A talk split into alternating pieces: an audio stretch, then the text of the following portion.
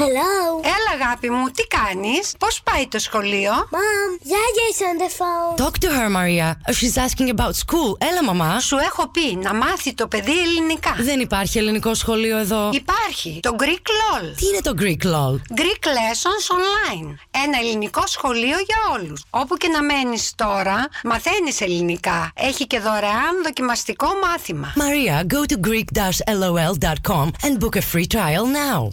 Greek Lessons Online is the biggest Greek online school and the first Greek school coming right to your door. All lessons are delivered by highly qualified native Greek teachers. Open the virtual door of the most popular and innovative online Greek school and book your free trial lesson today at greek-lol.com.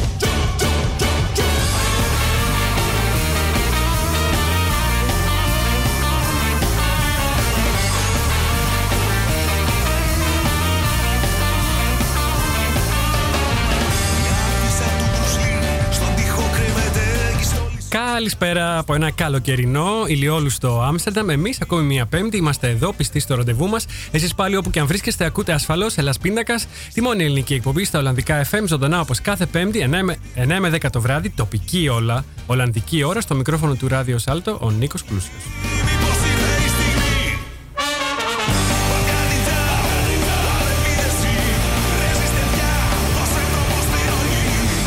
Εκπέμπουμε ζωντανά από το δημοτικό σταθμό του Άμστερνταμ. Υπάρχουν αρκετοί τρόποι για να μας ακούσετε live. Αν αγαπάτε το συμβατικό ραδιόφωνο και βρίσκεστε στο Άμστερνταμ, στην πόλη του Άμστερνταμ, θα μας βρείτε στο ράδιο Σάλτο στο 106,8 των FM και καλωδιακά στο κανάλι 103,3 πάλι και μόνο στην περιοχή του Άμστερνταμ αυτά τα δύο. Ενώ διαδικτυακά μας ακούτε παντού στον κόσμο από το hellasπιτακas.com, το site μας με ένα κλικ στο κουμπί Listen Now.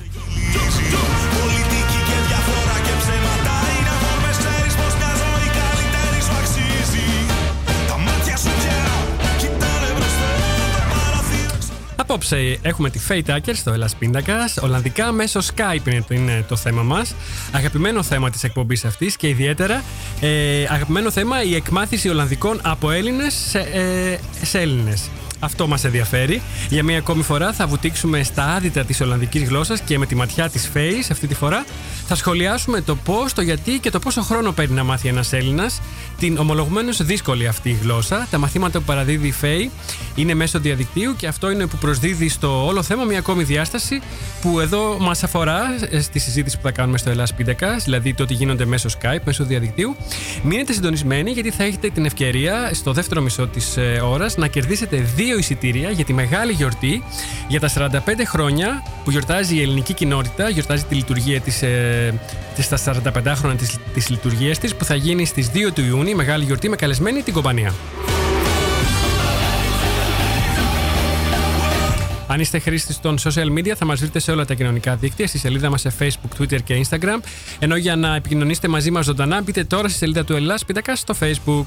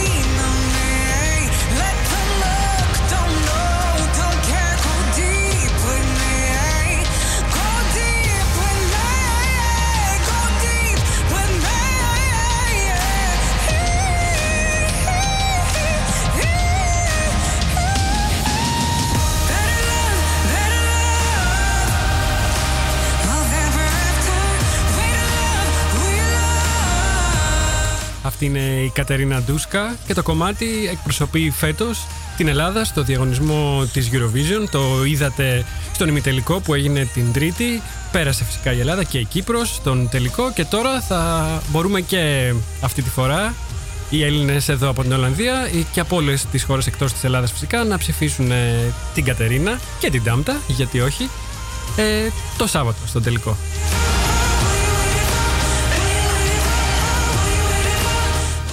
Λοιπόν, I'm gonna start with Canada. As always, hi from Amsterdam, from Amsterdam to all our friends over at happygreekradio.com and hi to all our friends uh, too from all over the world. Την καλησπέρα μου στέλνω και ε, ναι, την καλησπέρα μου στην Μάχη Πετρίδου, στο Σάβα και την Αναστασία και τη Δώρα που είναι νομίζω φίλοι της Φέης, αυτοί οι τρεις. Ε, στο Βασίλη Τσαμασίρο, στη Λεοντίν, στο Μανώλη Μαυρομάτη και σε όλη την κοινότητα των Ελλήνων της Χάγης, στον Τάκη Λαμπρακάκη, στην ανιψιά μου τη Μαριάννα που ακούει από το Βελιγράδι, στη Βίβιαν Χιονά, την ψυχολόγο μας από το Expat Nest, στο Γιώργο Γεωργόπουλο, στον Αντώνη και τους Super Greeks, στην ε, Τέτη και το Γιώργο, τους μουσικούς μας, στον Παναγιώτη, στον Πασχάλη και φυσικά την καλησπέρα μου στον ε, ανεκτήμητο μου συνεργάτη, στον φίλο και συνοτυπόρ, στον Νίκο Τόδουλο. Αποξενωμένος περίμενα τη Στέλλα Κι εγώ τη Μαριλένα για να μου φύγει η πλήξη Κοιτούσα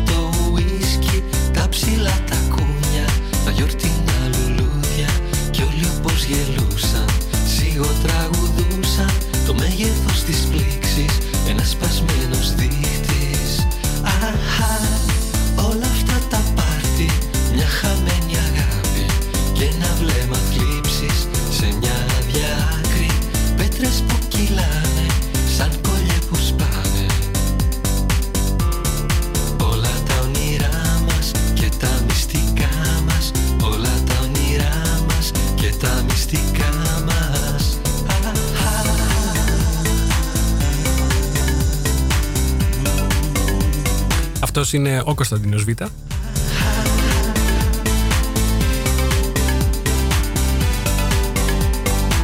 Με το κομμάτι το πάρτι. ήλιος και φέρνε τη νύχτα Μαυρίζαν τα δέντρα, φώτα από τα κέντρα Κι ένας κάκτος μόνος, όλος μου ο κόσμος Γύρω φλιαρία, κακόγουστα αστεία Στο μέτωπο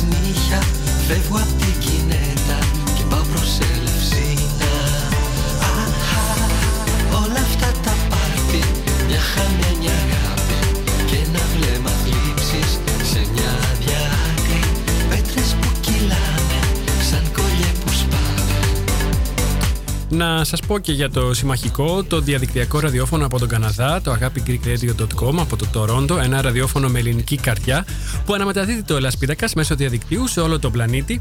Για όσους είστε στην Ολλανδία ή σε κάποια χώρα με ανάλογη ώρα με την Ολλανδία, μας ακούτε από το agapigreekradio.com σε ηχογραφημένη αναμετάδοση κάθε μέρα στη μία το μεσημέρι.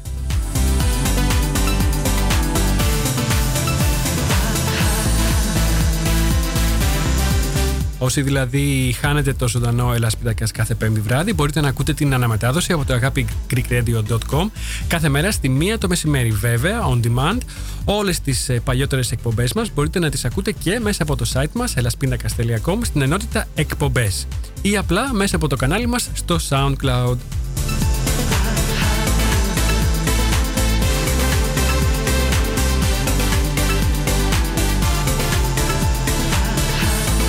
Από το SoundCloud μπορείτε να κατεβάζετε ε, όποια εκπομπή θέλετε και σας ενδιαφέρει και να την έχετε στο αρχείο σας. Μπείτε στο SoundCloud, βρείτε την εκπομπή που θέλετε, κάνετε κλικ στο κουμπί More και μετά στο Download για να την κατεβάσετε.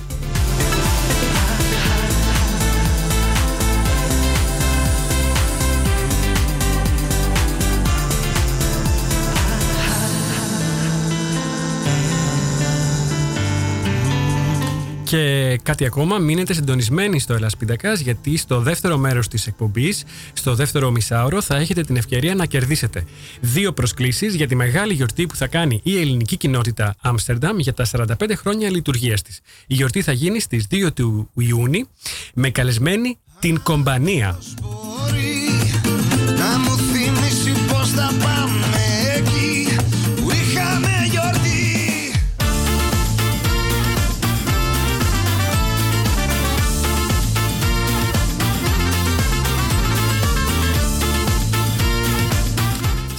«45 χρόνια λειτουργίας κλείνει η ελληνική κοινότητα του Άμστερνταμ και θα το γιορτάσει στις 2 του Ιούνιου με καλεσμένη την Κομπανία. Εμείς θα δώσουμε απόψε δύο προσκλήσεις για τη μεγάλη αυτή γιορτή. Θα σας πω τα σχετικά, τι πρέπει να κάνετε για να τις διεκδικήσετε, τις προσκλήσεις, στο δεύτερο μισό της ώρας. Τώρα ακούμε γιορτή Κοζαμοστά.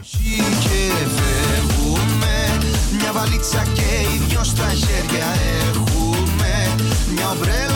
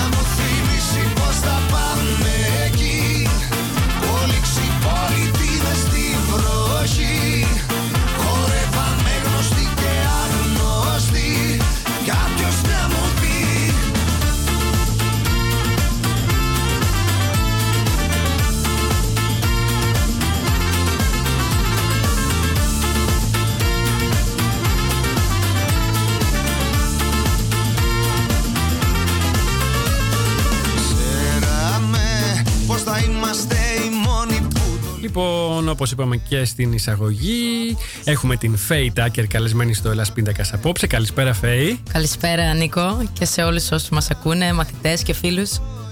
Μμμ, Στη μαμά σου. Στη μαμά μου, Να εννοείται. στείλουμε ακόμη μια φορά χαιρετίσματα και φιλιά από την Ολλανδία. Στην Αγγλία, Η μαμά είναι στην Αγγλία, αυτό Ναι. θα σε ρωτήσω τώρα. Η μαμά είναι Ελληνίδα βέβαια, θα μου τα πεις. Ελληνίδα, ναι. Ο μπαμπάς είναι Άγγλος. Εγγλέζος, Άγγλος. Λοιπόν, ε, Ολλανδικά μέσω Skype είναι το θέμα μας απόψε. Αγαπημένο θέμα της, εκ- της εκπομπής, όπως είπα ήδη. Ε, τα μαθήματα που παραδίδει η ΦΕΗ είναι μέσω διαδικτύου, μέσω Skype και αυτό θα το σχολιάσουμε αναλυτικά στο δεύτερο μέρος της εκπομπής, εδώ στο Ελλάς Πιτακάς απόψε. Να πούμε το site σου ξεκινώντας και το Ναι. Facebook για όποιον ε, θέλει όσο μας ακούει, όσο σε ακούει, να μπει να βλέπει κιόλας αυτά που, αυτά που κάνεις. Φυσικά. Το site σου είναι; Ε, greeksgodutch.com και η σελίδα στο facebook είναι μαθήματα Ολλανδικών μέσω Skype και στα αγγλικά. Dutch Lessons for Greek Speakers. Ωραία. Λοιπόν, Φέη, πες μας λίγα πράγματα για σένα. Αρχικά, ε, από πού κατάγεσαι, η μαμά σου τουλάχιστον η Ελληνίδα. Από πού Από κατάγεσαι; Θεσσαλονίκη. Α, είσαι και πατριώτη, πατριωτάκι. Ναι.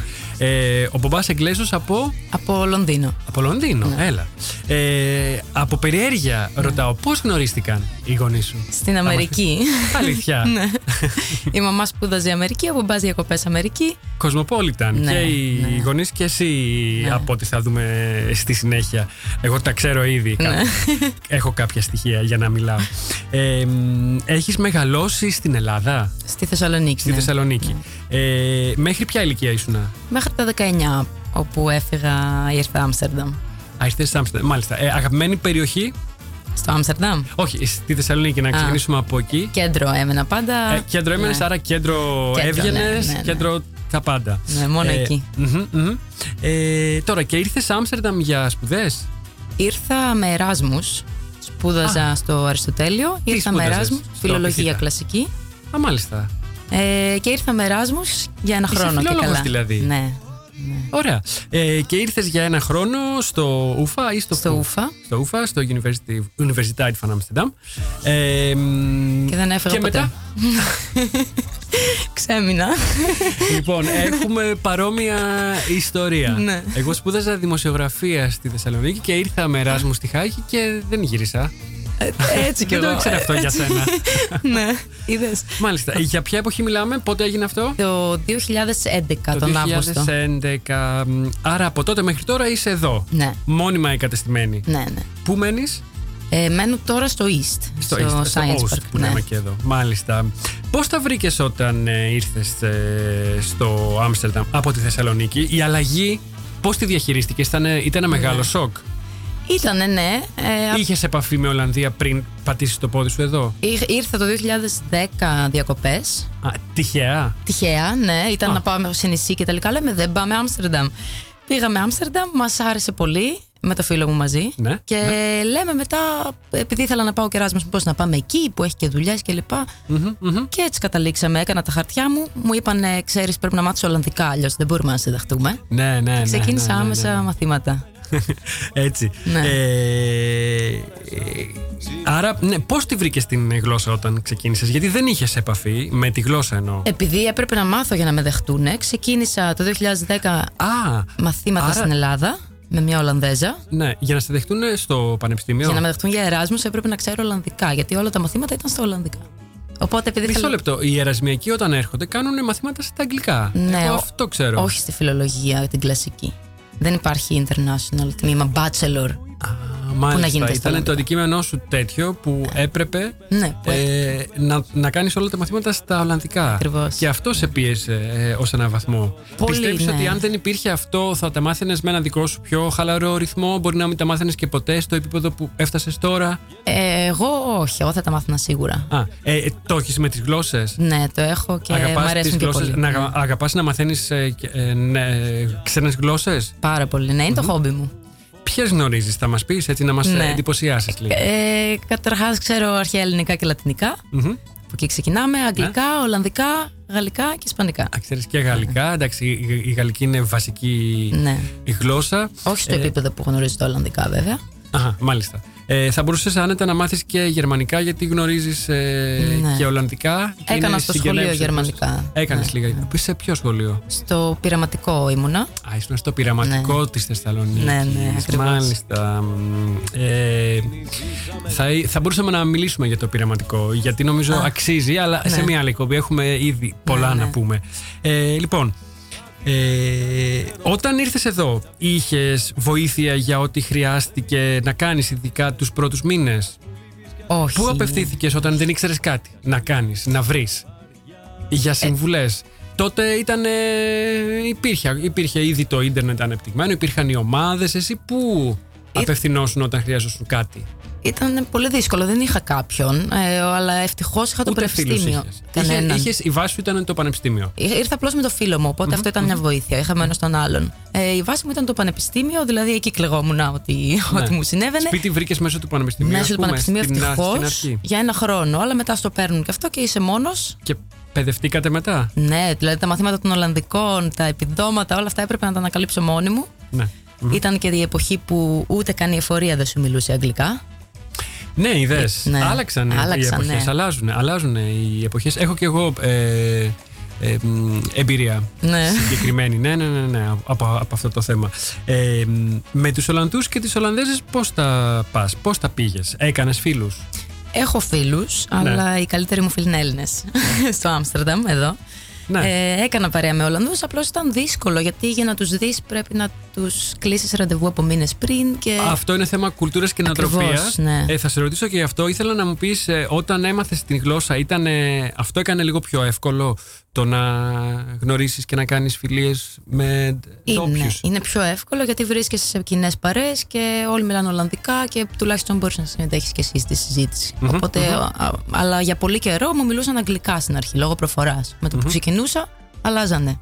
Ναι, ναι, ναι, ναι, ναι, ναι, ναι. Α, ε, άρα και πέρα των Ολλανδικών, είναι εύκολο να αναπτύξει κάποιος στενές σχέσεις και φιλίες με τους Ολλανδούς και τις Ολλανδές; Είναι πράγμα σπάνιο. Θέλω να πω, ε, ανοίγονται οι Ολλανδοί ή είναι άλλη ιδιοσυγκρασία, άλλη κουλτούρα, είναι πολύ πιο κλειστοί και προτιμάνε να μένουν προσκολλημένοι στην, στο γκρουπάκι τους, στην ομάδα τους. Ποια Ναι. είναι η εμπειρία η δική σου; Η αλήθεια είναι ότι ως Έλληνας Ναι. το, το βλέπεις ότι είναι πολύ διαφορετική από εμάς. Ότι είναι πολύ δύσκολο γιατί εμείς έχουμε συνηθίσει στην πρώτη μέρα ήδη μπορείς να κάνεις σχέση με κάποιον. Ναι, ναι. Να το γνωρίσει, να γίνετε Φιλική, φίλοι. οτι- Ακριβώς, οτιδήποτε, ναι, ναι, ναι. Με τον Ολλανδό θα διαρκέσει Δύσκολα αυτό θα δεθείς. χρόνια. Ναι, ναι. για να δεθείς. Αυτή τη στιγμή μπορείς να πεις ότι έχεις ένα-δύο καλούς φίλους, καλές φίλες. Ολλανδούς. Ναι. Όχι, κανέναν. Στενές. Όχι, ε. Όχι. Και είσαι από το 11 εδώ; Από το 11. Μμμ. Μάλιστα. Είναι αρκετά τα χρόνια. Έμα, Έμαθες και τη γλώσσα, Ναι. αλλά τίποτα δεν εγγυάται τίποτα. Όχι. Ε, λοιπόν, ε, είναι τελικά πολύ διαφορετικές η, η κουλτούρα των Ελλήνων και η κουλτούρα των ε, Ολλανδών. Είναι. Πιστεύεις; Είναι πολύ διαφορετική, ναι. Ναι. Οι άνθρωποι όμως μέσα τους, πιστεύεις, είναι, είναι επίσης διαφορετικοί ή είναι ίδιοι.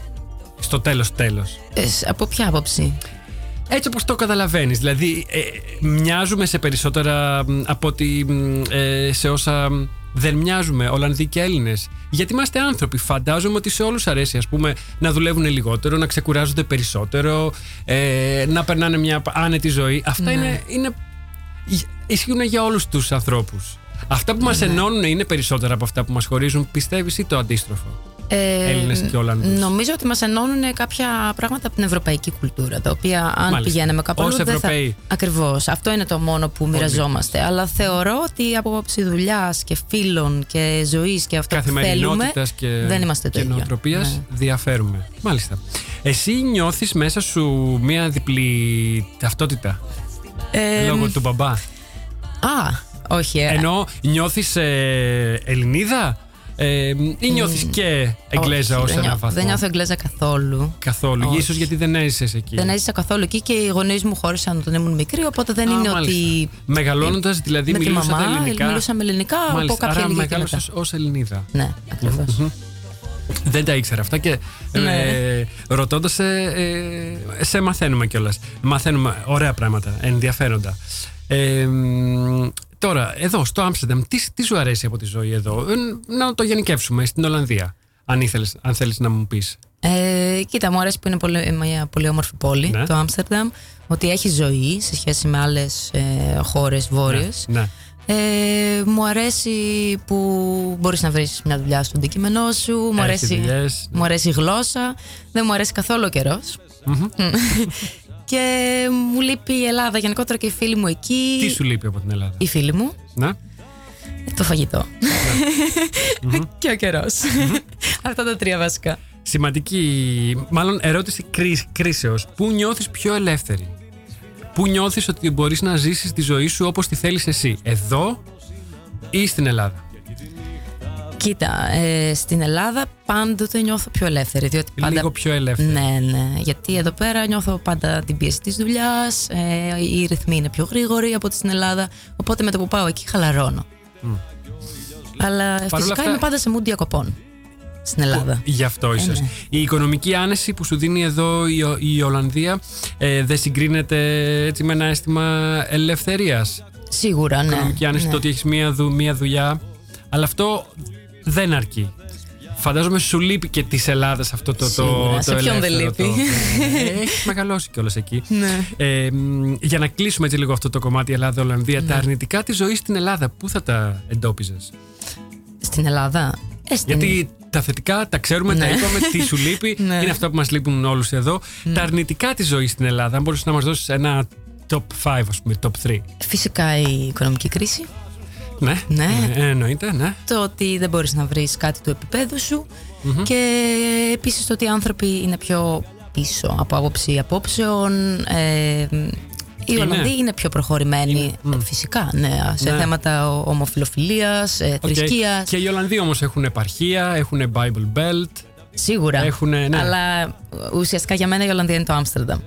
Άλλο Ναι, να μου πεις ναι, Άμστερνταμ, άλλο να μου πεις. Ε, Ακούγεται λίγο Eindhoven. ουτοπικό αυτό που λες, Ναι. αλλά έτσι νιώθω και εγώ, παρόλο που δεν είναι έτσι. Δεν είναι Ε, έτσι, ναι. αλλά εμείς που είμαστε εδώ δεν Δηλαδή, έχουμε κάποια σχέση. ο μέσος Ολλανδός μπορεί να είναι πολύ πιο συντηρητικός κατά βάθος από τον Βέβαια. μέσο Έλληνα. Ναι, βέβαια. Και στα χωριά υπάρχουν πράγματα που εμείς δεν μπορούμε να τα φανταστούμε. Αλλά το θέμα είναι ότι εδώ που μένουμε εμείς είναι ένας άλλος κόσμος. Έτσι είναι. Ναι. Έτσι είναι. Ε, είναι μεγάλο λι- λιμάνι, είναι global village, είναι όλα αυτά. Ναι. Ε, λοιπόν, θα κάνουμε τώρα μ, ένα μικρό διάλειμμα, να ακούσουμε λίγη μουσική και θα επανέλθουμε με τη Φέη που βρίσκεται εδώ στο στούντιο του Ελλάς Πίδακας για να μιλήσουμε για το πώς μπορούν οι Έλληνες να μάθουν Ολλανδικά μέσω Skype με τη βοήθειά της φυσικά. Πάμε να ακούσουμε δραμαμίνη κομίτης του Χαλέη.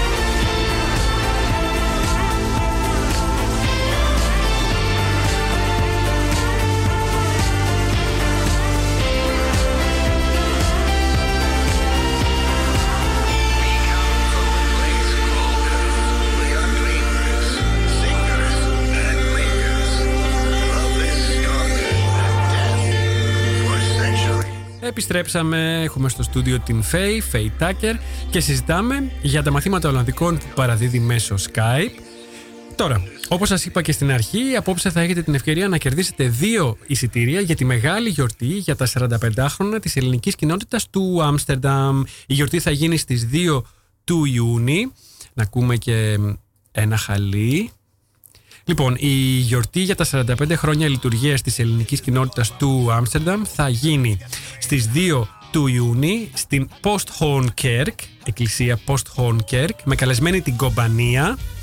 Όποιος ενδιαφέρεται για τις δύο προσκλήσεις για τη μεγάλη αυτή γιορτή, Μπορεί να στείλει ένα email τώρα ε, και αύριο και μεθαύριο στο ελάσπιντακα.gmail.com με το όνομα, το επίθετο και το τηλέφωνο του. Όποιοι όμως στείλουν πρώτοι θα πάρουν τα δύο εισιτήρια. Δηλαδή έχετε διορία μέχρι να στείλουν οι δύο πρώτοι και μετά θα κλείσει ο διαγωνισμός. Λοιπόν, να ξαναπώ, όποιος ενδιαφέρεται για τις δύο προσκλήσεις για τη γιορτή της κοινότητας για τα 45 χρόνια λειτουργίας, μπορεί να στείλει ένα email τώρα στο ελάσπιντακα.gmail.com με το όνομα, το επίθετο και το τηλέφωνο του. Όποιοι στείλουν πρώτοι, οι δύο πρώτοι δηλαδή, θα πάρουν και τις δύο προσκλήσεις. Α μπούμε τώρα στο κυρίως θέμα. Φέη. Είναι αλήθεια, δεν το ήξερα, το έμαθα χθες προχθές, ότι ξεκίνησε τα μαθήματα Ολλανδικών το 2012 στην ελληνική κοινότητα; Μιας Ναι. που λέμε για την ελληνική κοινότητα σήμερα και τη γιορτή της και τα 45 χρόνια.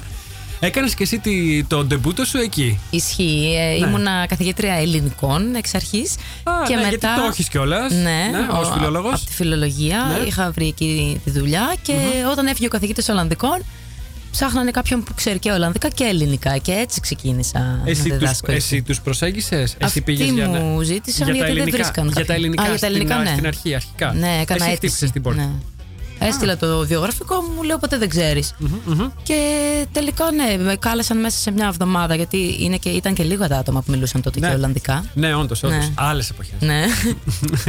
ε, Πώς ήταν η εμπειρία εκεί, δίδασκες ελληνικά σε Ολλανδούς κατά βάση, Ναι. όχι σε άλλους expat. σε Ολλανδούς. Σε Ολλανδούς. Ε, Πώς ήταν εκεί η εμπειρία, Ήταν η πρώτη σου φορά, φαντάζομαι, που δίδασκες Ναι. τα ελληνικά σε ξένους. Ναι. Δεν το έχεις ξανακάνει; Όχι, όχι, και ήμουν και πολύ μικρή. Ήμουν 20. Ναι. Ενώ Ε, τώρα είσαι; Τώρα είμαι 27. Κάτσε να, ναι, να Ναι. υπολογίσω 27. ναι. Ναι. Μάλιστα. Ε, 20 χρονών και. Ναι. Και- Οι ηλικίες ήταν, φαντάζομαι, λίγο μεγάλες, Μεγάλη. τσιμπημένες. Ναι, ναι. Είχα, μια, συνήθως. είχα κάποιους 20 κάτι που ήταν ερωτευμένοι με Ελληνίδες Μάλιστα. κλπ. Και Αυτό ερχόντουσαν. ήταν το κίνητρο. Ναι, αλλά κατά βάση ήταν ε, 40 πλάς. Μμμ. Υπήρχε κάτι που έπαιρνες εσύ από τη συναναστροφή σου και ήταν και η πρώτη σου επαφή με μαθητές. Ναι. Τι παίρνεις εσύ από τη συναναστροφή σου με, ε, με τους μαθητές σου; Πρώτα απ' όλα Ξέρουμε γνω- τι τους δίνεις, τι παίρνουν αυτοί. Ναι. Αλλά υπάρχει κάτι που παίρνεις εσύ από αυτούς; Καταρχάς ήταν πολύ φιλέλληνες όλοι, γι' αυτό μάθαιναν και τα Άρα ελληνικά. εισπράττεις Ο- αγάπη Ε, φυσικά, ναι. για την Ελλάδα. Ναι. Ναι, ε, με βοηθούσαν και οι ίδιοι πολύ στα Ολλανδικά μου στην αρχή όταν Στην τους αρχή. ε, μάθαινα Ναι. ελληνικά. Ναι. Ε, και με βγαίνω ακόμα με τους μαθητές μου από την ελληνική κοινότητα. Δηλαδή Ωραία. έχουμε σχέσεις ακόμα. Ωραία, ωραία. Ε, μ, και ήταν και η πρώτη σου επαφή, τους είχες ζωντανά απέναντί σου. Ήταν διαζώσεις που λέμε το Ναι. μάθημα. Σε μ, ε, αντίθεση με αυτό που κάνεις τώρα, αλλά θα τα πούμε λίγο αργότερα. Το 2013 έγινες freelancer, Ναι. μου είπες. Ε, Επέλεξες solo πορεία. Ναι. Γιατί αυτό, Ε, γιατί είχα πάρα πολλούς μαθητές που τους έκανα ιδιαίτερα.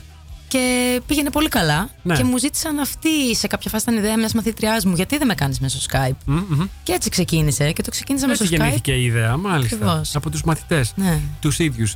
Ε, μ,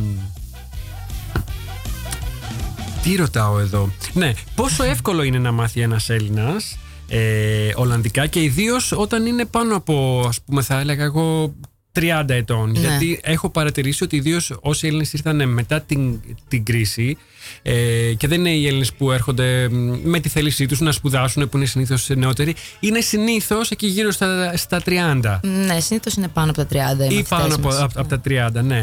Πόσο εύκολο είναι να μάθει ένας Έλληνας που είναι πα- άνω των 30 ε, Ολλανδικά; Τα Ολλανδικά είναι μια μίξη αγγλικών και γερμανικών. Οπότε έχουν και λεξιλόγιο και γραμματική από αυτές τις δύο γλώσσες.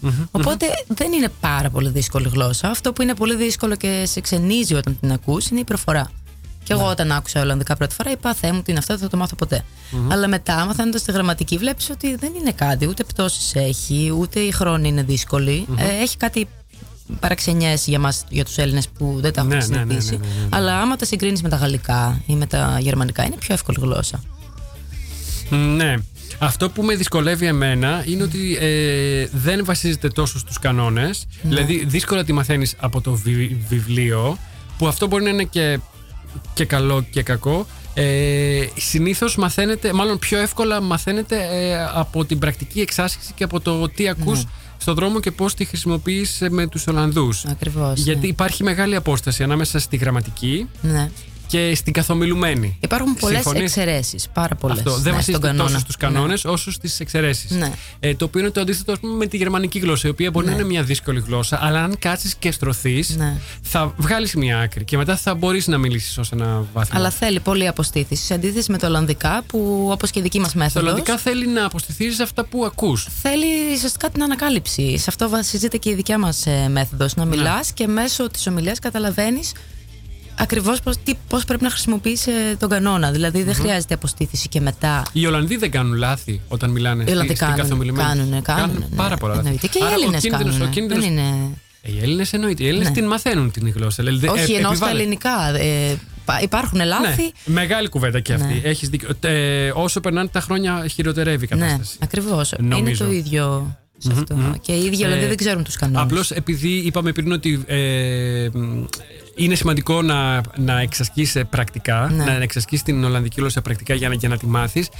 Υπάρχει και ο κίνδυνος να μάθεις κάποια πράγματα λάθος. Ναι, άμα τα μάθεις από το δρόμο. Ναι, Ναι, άμα τα ναι. μάθεις από το δρόμο.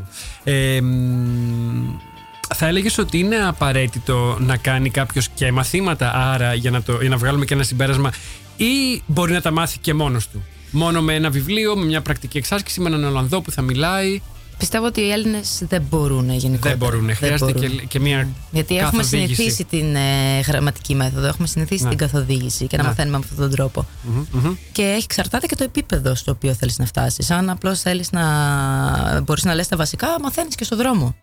Σωστό και αυτό.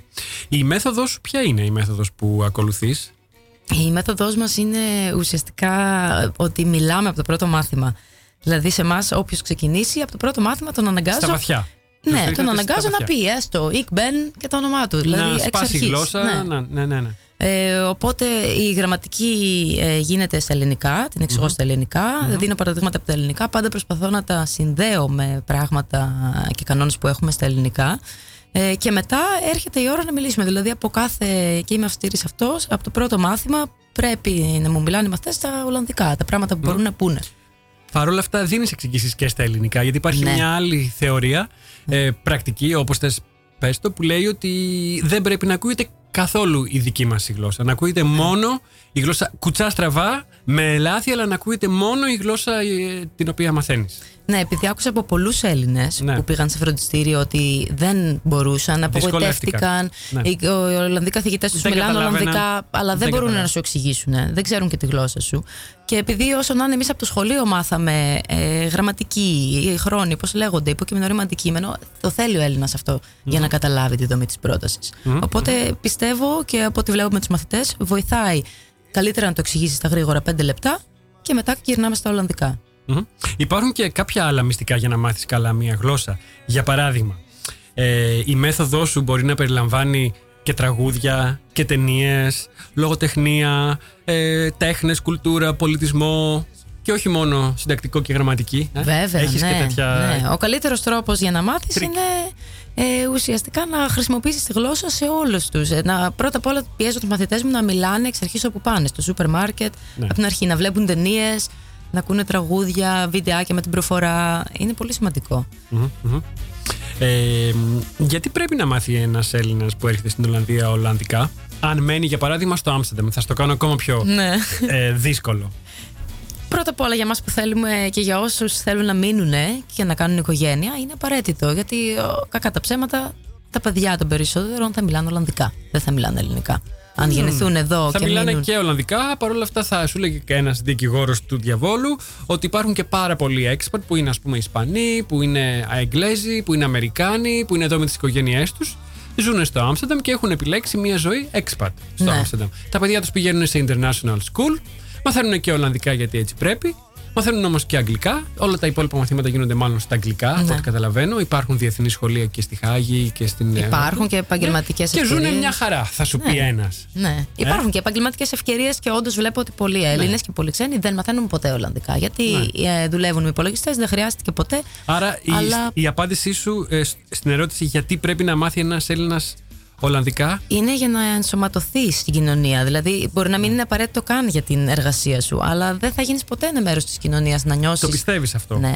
Παρόλο πιστεύω. που ζούμε στο Άμστερνταμ, που είναι μια πόλη με τα χαρακτηριστικά που είπαμε, εξακολουθείς να πιστεύεις ότι Ναι. εμ, θέλω να φτάσουμε σε βάθος. Θέλω να δω ε, τι ακριβώς πιστεύεις, γιατί υπάρχει πραγματικά πολλοί κόσμος και πολλοί Έλληνες, αλλά όχι μόνο Έλληνες, που είναι εδώ πάρα πολλά χρόνια, πάνω από 10 και 15, και έχουν κάνει συνειδητή επιλογή να μην μάθουν. Ναι. Δηλαδή ξέρουν τα απολύτως απαραίτητα, το νερό, ε, το τηλέφωνο, ξέρω εγώ, το θηροτηλέφωνο αυτά, κάτι που πρέπει να ξέρεις για να συνεννοηθείς, Ναι. για να νιώσεις ως έναν βαθμό ενσωματωμένος, αλλά όχι πλήρως Ναι. ενσωματωμένος, αυτό που λες εσύ. Ναι. Και μένουν εκεί. Και ζουν εκεί και είναι και ευχαριστημένοι. Μπορεί να αρκεί αυτό σε κάποιους ανθρώπους. Ναι. Εμένα δεν μου αρκεί να Έτσι ζω. όπως το βλέπεις εσύ. Δεν μου αρκεί να ζω κάπου που δεν καταλαβαίνω τίποτα γύρω μου. Να μιλάνε όλοι και εγώ να είμαι. Τι είναι αυτό. Δηλαδή, Ναι. για μένα είναι αδιανόητο. Και Πώς στην το Κίνα να κρίνεις; πήγαινα θα μιλούσα κινέζικα. Πώς το κρίνεις, ναι. Πώς το κρίνεις αυτό που βλέπουμε πολλούς Έλληνες; Δεν ξέρω αν το κάνουν και άλλοι. Ναι. Απλώς από Έλληνες έχω εμπειρία και το ξέρω. Έρχονται εδώ, ζουν χρόνια εδώ και ακόμα βλέπουν ταινίες με ελληνικούς υπότιτλους. Ναι. Βλέπουν ελληνικές ειδήσεις. Βλέπουν ελληνική τηλεόραση. Ε, λίγο, είναι λίγο αποκομμένοι από το τι γίνεται εδώ. Ναι. Ε, καλά, δεν μιλάω για το. Ε, για διεθνώς και παγκοσμίως, αλλά τουλάχιστον από τη χώρα στην οποία ζουν είναι αποκομμένοι και, προτι- και ζουν με, το, με τον πόδι στην Ελλάδα και το άλλο πόδι στην Ολλανδία. Αυτό πώς το, πώς το βλέπεις; Είναι και αυτό μια επιλογή. Και εγώ την Είναι Ελλάδα επιλογή, δεν την ναι, έχω αφήσει φυσικά πίσω είναι μου. επιλογή, Ε, ναι. Δηλαδή και εγώ την ελληνική μουσική την ακούω όλη ναι, μέρα στο φυσικά. σπίτι. Ελληνικά μιλάω, ο Ε, φίλος μου εντάξει, είναι ναι, Έλληνας. φυσικά. Αλλά ε, άμα θέλει κάτι παραπάνω, δηλαδή να νιώσεις την Ολλανδία να γίνει κομμάτι σου, πιστεύω ότι χρειάζεται η γλώσσα. Και για να μπορείς απλώς να καταλάβεις τα νέα στην τηλεόραση για κάτι πολύ απλό. Για να καταλάβεις στο, στο μετρό και στο τρένο τι σου λένε. Υπάρχουν και πολλοί Ολλανδοί, όπως είπαμε και στην πολύ αρχή, ξε- ξεκινήσαμε από εκεί, από την καριέρα σου ως ε, ε, δασκάλα ε- ελληνικών. Υπάρχουν και πολλοί Ολλανδοί που ενδιαφέρονται να μάθουν ελληνικά και μαθαίνουν ελληνικά. Ε, τι πιστεύεις ότι τους οδηγεί εκεί, είναι η κουλτούρα μας ή απλά οι διακοπές, ο ήλιος και η θάλασσα; Κάποιοι έχουν έρωτα με την κουλτούρα. Ναι, Ναι, το πολλοί βλέπω ήταν. και εγώ. Ναι, ναι, εννοείται. Κάποιοι έχουν πάει έστω μία φορά, τους μίλησαν όλοι, τους αγκάλιασαν, τους φιλοξένησαν. Αυτό πώς το εξηγείς, μια χώρα που είπαμε πριν ότι είναι πολύ διαφορετική η κουλτούρα τους από την ελληνική, ε, μ, που δεν πολύ μοιάζουν, ε, που έχουν άλλες αφετηρίες και, και, και που είναι οι γλώσσες τους πολύ διαφορετικές, η ιστορία τους αρκετά διαφορετική. Ως, εντάξει, αν βγάλεις το ευρωπαϊκό κομμάτι, δεν. Ε, ε, υ- υπάρχουν ανα, αναλογίες ανάμεσα στην Ελλάδα. Πώς όμως βρίσκουν ας πούμε και ερωτεύονται, αγαπάνε, τα, λα, λατρεύουν τα ρεμπέτικα; Ναι.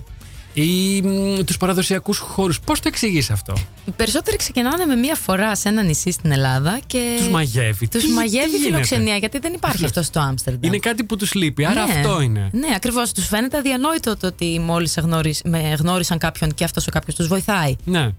Για αυτούς δεν υπάρχει το φιλότιμο να πεις θα σε βοηθήσω χωρίς να μου δώσεις κάτι, εξ αρχής χωρίς να σε ξέρω. ναι. Όλοι είναι Ίσως επειδή κερδοσκοπικά. βγαίνουν και από τη χώρα τους, είναι, είναι, είναι, σε- είναι ήδη στην Ελλάδα, είναι, Ναι. σε μια, είναι σε ένα άλλο περιβάλλον και εκεί είναι πιο ανοιχτή. Είναι πιο ανοιχτή, Γιατί εδώ, σίγουρα. αν προσπαθήσεις να τους φερθείς με θέρμη, όπως ένας Έλληνας και με ζεστασιά, Ναι. μπορεί να το πάρουν και αρνητικά. Μπορεί να, να θεωρούν ότι εισβάλλεις στον ιδιωτικό τους χώρο, ότι είσαι ας πούμε Σίγουρα. too much για, για αυτούς, ότι Ναι. ε, μ, τους πιέζεις. Το, το έχω παρατηρήσει κι εγώ αυτό, ότι δεν θέλουν και πολλά πολλά. Δεν θέλουν και πολλά πολλά. Παρ' όλα αυτά, όταν πηγαίνουν στην Ελλάδα, Ναι. μαγεύονται. Εγώ αυτό δεν μπορώ, ακόμα δεν μπορώ να το καταλάβω. Γι' αυτό και στο ρωτάω. Κοίτα, είναι και μια πολύ συγκεκριμένη ομάδα ανθρώπων αυτή που, Σωστά, που τους σωστά. αρέσει η Ελλάδα Είναι και σου λέω λίγο βγαίνω ακόμα με ανοιχτόμυαλοι, αυτούς. Είναι αλλιώς. Ναι, ναι, ναι. Είναι, είναι από άλλη στόφα λίγο. Είναι από το άλλη. βλέπω και εγώ. Το βλέπω Δεν, και είναι, εγώ. δεν αρέσει σε όλους. Πολλοί Αυτό. Ολλανδοί κοροϊδεύουν κιόλας. Στην Ελλάδα βλέπουν μόνο τα κακά. Το Υπάρχουν έχει και ζήσει αυτοί. και αυτό. Ναι, το ναι. έχεις ζήσει και αυτό. Εννοείται. Λοιπόν, ε, θα κάνουμε ακόμη ένα διάλειμμα, το τελευταίο για απόψε. Δεν έχουμε άλλωστε και πολύ χο- ε, χρόνο. Να, ακου- να ακούσουμε ένα ακόμα κομμάτι, ολόκληρο, σχεδόν ε, ολόκληρο. και θα επανέλθουμε με τη Φέη που βρίσκεται πάντα εδώ στο στούντιο του Ελλάς Πίντακας ε, και μιλάμε ε, για το πώς μπορούν οι Έλληνες να μάθουν Ολλανδικά μέσω Skype. Πάμε να ακούσουμε Μυρτό Βασιλείου, Ανοιξιάτικη μέρα.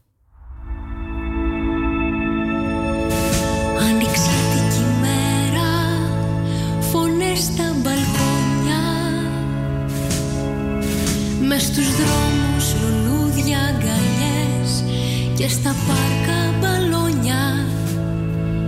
Κυριακή μεσημέρι Κι οι δρόμοι γεμάτοι. Με παρέες, ζευγάρια, παιδιά Που μοιράζουν αγάπη. Κλείσε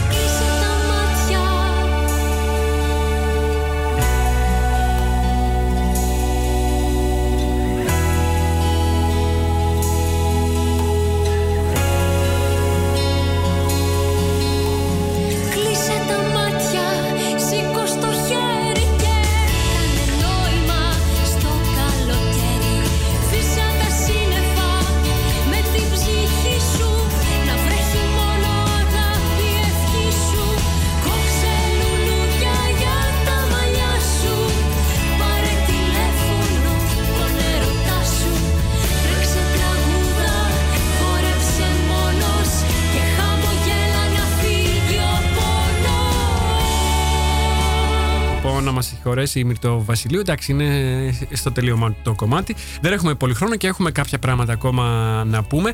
Πες μας λίγο και ποια είναι και η βασική σου δουλειά, Φεή, για το- τον κόσμο που δεν γνωρίζει. Είναι σημαντικό να το ακούσει και αυτό. Διδάσκεις σε ένα ε, Ολλανδικό γυμνάσιο. Ναι, ε, Το οποίο λέγεται. Σύχνους Γυμνάσιουμ. Κύκνος είναι αυτό; το Σύχνους. Σύχνους, ναι. Είναι ο κύκνος, ναι. Στα ελληνικά. Ε, Ε, Σύχνους και Γυμνάσιουμ και διδάσκεις- διδάσκω αρχαία ελληνικά Απίστευτο. και λατινικά. Σε παιδιά που ε, έχουν επιλέξει; Ε, Το μάθημα αυτό είναι Στα επιλεγόμενο; σχολεία τα γυμνάσιουμ είναι υποχρεωτικά.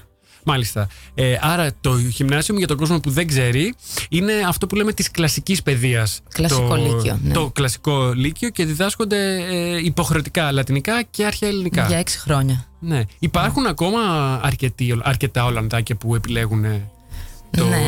Πρώτον, γιατί είναι το ανώτατο πτυχίο δευτεροβάθμιας εκπαίδευσης, οπότε το θέλουν, έχει Είναι στάτους. ανώτατο, έχει Ναι. στάτους. ναι, είναι το ανώτατο. Μάλιστα. Από εκεί, ας πούμε, μετά πηγαίνουν σε, σχολές, σε νομικές και σε τέτοιου είδους επαγγέλματα. Ιατρική που πρέπει Α, να και ξέρεις ιατρική. αρχαία ελληνικά ε, και σε βοηθάει στην ναι, επιλογή. Ε, και φυσικά και απλώς παιδιά που έχουν, μάλιστα. θέλουν να μάθουν περισσότερο. Αρκετοί από τους Ολλανδούς που έχουν έρθει εδώ στο Ελλάς Πίντακας και ε, έχουμε μιλήσει στα ελληνικά, μου έχουν πει ότι κάνανε ελληνικά, γιατί κάνανε, ε, ε, κάνανε, ε, τελείωσαν το κλασικό. Το λύκειο. γυμνάσιουμ, ναι. το, το γυμνάσιουμ. Και έτσι ξέρω την ιστορία. Λοιπόν, και εκεί ε, διδάσκεις και εσύ. Ε, Επίσης, ωραία ιστορία. Θα μπορούσαμε να κάνουμε άλλη μια εκπομπή να, μας, να μας λες μόνο για αυτό. Ε, Ναι. θέλω, ακούσω, ε, θέλω ας πούμε, να έρθεις μια ε, Εννοείται. επόμενη Πέμπτη να μιλήσουμε όχι; για, το, για τους Ολλανδούς που μαθαίνουν αρχαία. Ναι, γιατί όχι; Είναι Γιατί ωραίο είμαι θέμα. και εγώ τριτοδεσμήτης Α, και με Ναι. ενδιαφέρει και από προσωπική έτσι, ματιά Ναι. και άποψη. Ε, πόσους μαθητές έχεις αυτή τη στιγμή; Ε, στα Ολλανδικά στα τώρα. Ολλανδικά ε, στο Skype. Ε, εγώ προσωπικά, γιατί είμαστε τέσσερις καθηγητές, οπότε άμα. ε, πες μου στο, τους η, βάλω ο- όλους- η, ο- η ομάδα, όλοι μαζί. Εγώ. έχω Συνολικά. δεκ- ναι, είμαστε, είμαστε πάνω από.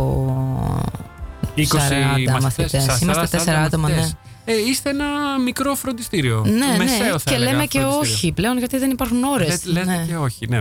Ε, για κόσμο που θέλει να, ίσως να, να εργαστεί στην ομάδα σου, Ναι. έχετε περιθώρια, έχετε. Ναι, βεβαίως. κάποιος θέλει να διδάξει- Έψαχνα κιόλας σε κάποια φάση, Έψαχνες. αλλά δεν βρίσκω γιατί δεν, υπάρχουν βρίσκεις, καθηγητέ είδες, Ολλανδικών ωραία, που όποιος μιλάνε. μας ακούει, Ελληνικά, ε, και θέλει βρε. Και Ναι. γνωρίζει.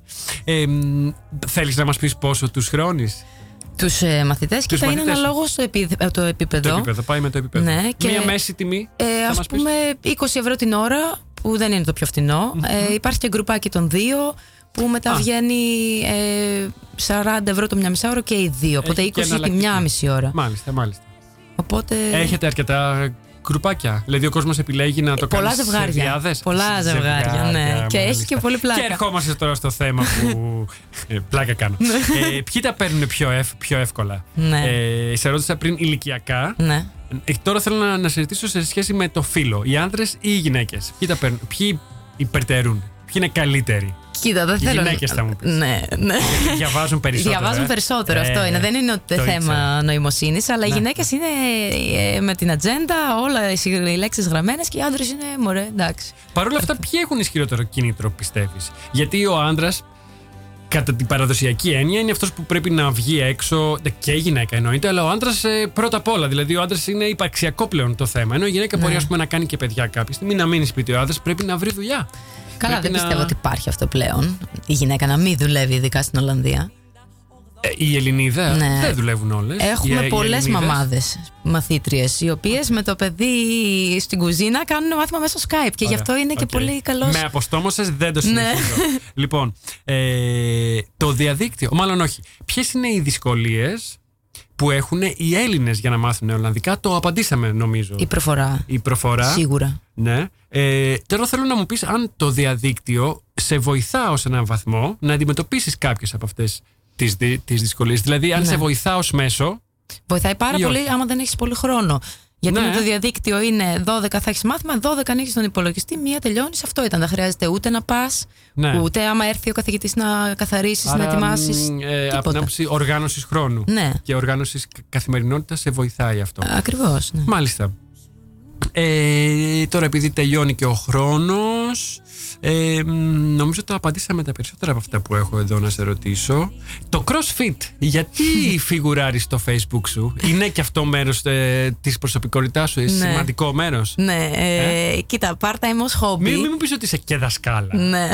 Έλα ρε Γενικώ είμαι Μα όλα τα κάνεις λίγο πια. all around. Ναι. Αμάν πια Αλλά είναι Θα για μας στο χόμπι αγχώσεις μου. εδώ Δηλαδή Είναι- είσαι top top top Είναι το χόμπι μου. Τα Σαββατοκύριακο δουλεύω στο γυμναστήριο που κάνω crossfit. Αλλά αυτό φιγουράζει στο προφίλ μου διότι ω δασκάλα έπρεπε να αλλάξω το όνομά μου από Faye Tucker σε Faye CrossFit ώστε να μην με ψάχνουν τα παιδιά. Αυτό ήταν το, ο αρχικός λόγος που. Μάλιστα, αυτό κρύβεται. Ωραία. Ναι. Και τώρα για τέλος, κράτησα ένα μικρό multiple choice που κάνουμε εδώ στο Ελλάς Πίτακας σε μια προσπάθεια να εξερευνήσουμε έτσι με εύθυμο τρόπο ποια πραγματικά είναι η ΦΕΗ. Ο καλεσμένος μας ε, ή η καλεσμένη κάθε φορά. Πρόκειται για ένα mini τεστ προσωπικότητας, θα έλεγα, δικής μου έμπνευσης. Οχ. λοιπόν, γρήγορα, θέλω να μου πεις ποια από τις παρακάτω έννοιες είναι ή το ένα ή το, ή το άλλο. Είναι πιο κοντά σε σένα. Λοιπόν, Ναι. διαδίκτυο ή βιβλίο; Βιβλίο. Instagram ή Facebook; Instagram. Έδουσα δι- διδασκαλίας ή Skype; Μμμ, μάλλον Skype. Διάβασμα ή γυμναστική; Γυμναστική. ε, ε, Ολλανδικά ή ελληνικά; Ε, τώρα αυτό είναι δύσκολο. Ε, Δύσκολα είναι. ελληνικά, Όλα είναι Δεν δύσκολα. ξέρω και τα δύο τα αγαπώ πολύ. Τηλεόραση ή ραδιόφωνο; Κανένα από τα δύο, μάλλον. Ε, τηλεόραση λίγο περισσότερο. Θα σε μαλώσω, ούτε ραδιόφωνο; Δε, πού χρόνος. Σε πειράζω. Οικολογία ή τεχνολογία; Ε, μ, τεχνολογία. Τέχνες ή επιστήμες; Μ, εμ, επιστήμες μάλλον. Χωριό ή πόλη; Πόλη. Καφές ή τσάι; Τσάι. Έλα. Και ένα ε, τελευταίο. Παρόν ή μέλλον; Πού ζεις μέσα στο μυαλό σου; Ή ζεις το παρόν, ζεις το τώρα; Ή σκέφτεσαι Μπορεί και στο μονίμως παρελθόν. Το μέλλον. ναι. Ναι. Είσαι κολλημένη και στο παρελθόν. Ε, κοίτα με τις κλασικές γλώσσες, όσο να είναι, ασχολούμαι πολύ με το Ωραία, μου αρέσει η παρελθόν. απάντησή σου γιατί είσαι εκτός. Σε όλα. όχι, όχι. Είσαι εκτός των ε, απαντήσεων που έχω δώσει εγώ. Δηλαδή βγαίνεις εκτός του, του πλαισίου. Ναι, ναι. Σκέφτεσαι αυτό που σκέφτεσαι. Λοιπόν, ε, φτάσαμε στο τέλος. Σε ευχαριστώ πάρα πολύ, Φέη. Που Ευχαριστώ ήσουν εδώ. και εγώ, Ευχαριστώ για την Νίκο. όμορφη κουβέντα μας. Και ελπίζω να ξαναβρεθούμε για κάποιο άλλο Θα θέμα. κάνουμε σίγουρα μια επόμενη εκπομπή. Θέλω να μου πεις για τους Ολλανδούς που μαθαίνουν αρχαία ελληνικά. Τέλεια. Για, για τους Ολλανδούς ε, νέους που μαθαίνουν Ναι. ε, αρχαία ελληνικά. Στο ε, Λύκειο, ε, κλασικό Λύκειο που διδάσκεις. Λοιπόν, καλή συνέχεια και στα μαθήματα Ολλανδικών μέσω Skype. Ευχαριστώ πολύ. Και στο Σύχνο Γυμνάζιο. Ελπίζω και εσύ να τα καταφέρεις να, να μιλήσει ως native speaker σύντομα. Να τα εξασκώ. Ναι, να τα να τα εξασκείς. μιλάω ως native speaker, μάλιστα. Ναι. Τώρα, ε, μου βάλες δύσκολα. Λοιπόν, εμείς κάπου εδώ σας λέμε Χούιεναχ Goeienacht. και ανανεώνουμε το ραντεβού μας για την επόμενη Πέμπτη πάντα σε 9 το βράδυ τοπική ώρα. Ακολουθεί η εκπομπή Finger Popping Soul εδώ στο Radio Salto. Μέχρι την επόμενη Πέμπτη να είστε καλά και να περνάτε ακόμα καλύτερα. Καλό Παρασκευό Σαββατοκύριακο. Kireko. Tot volgende keer. Doei doei. Volgende keer. doei.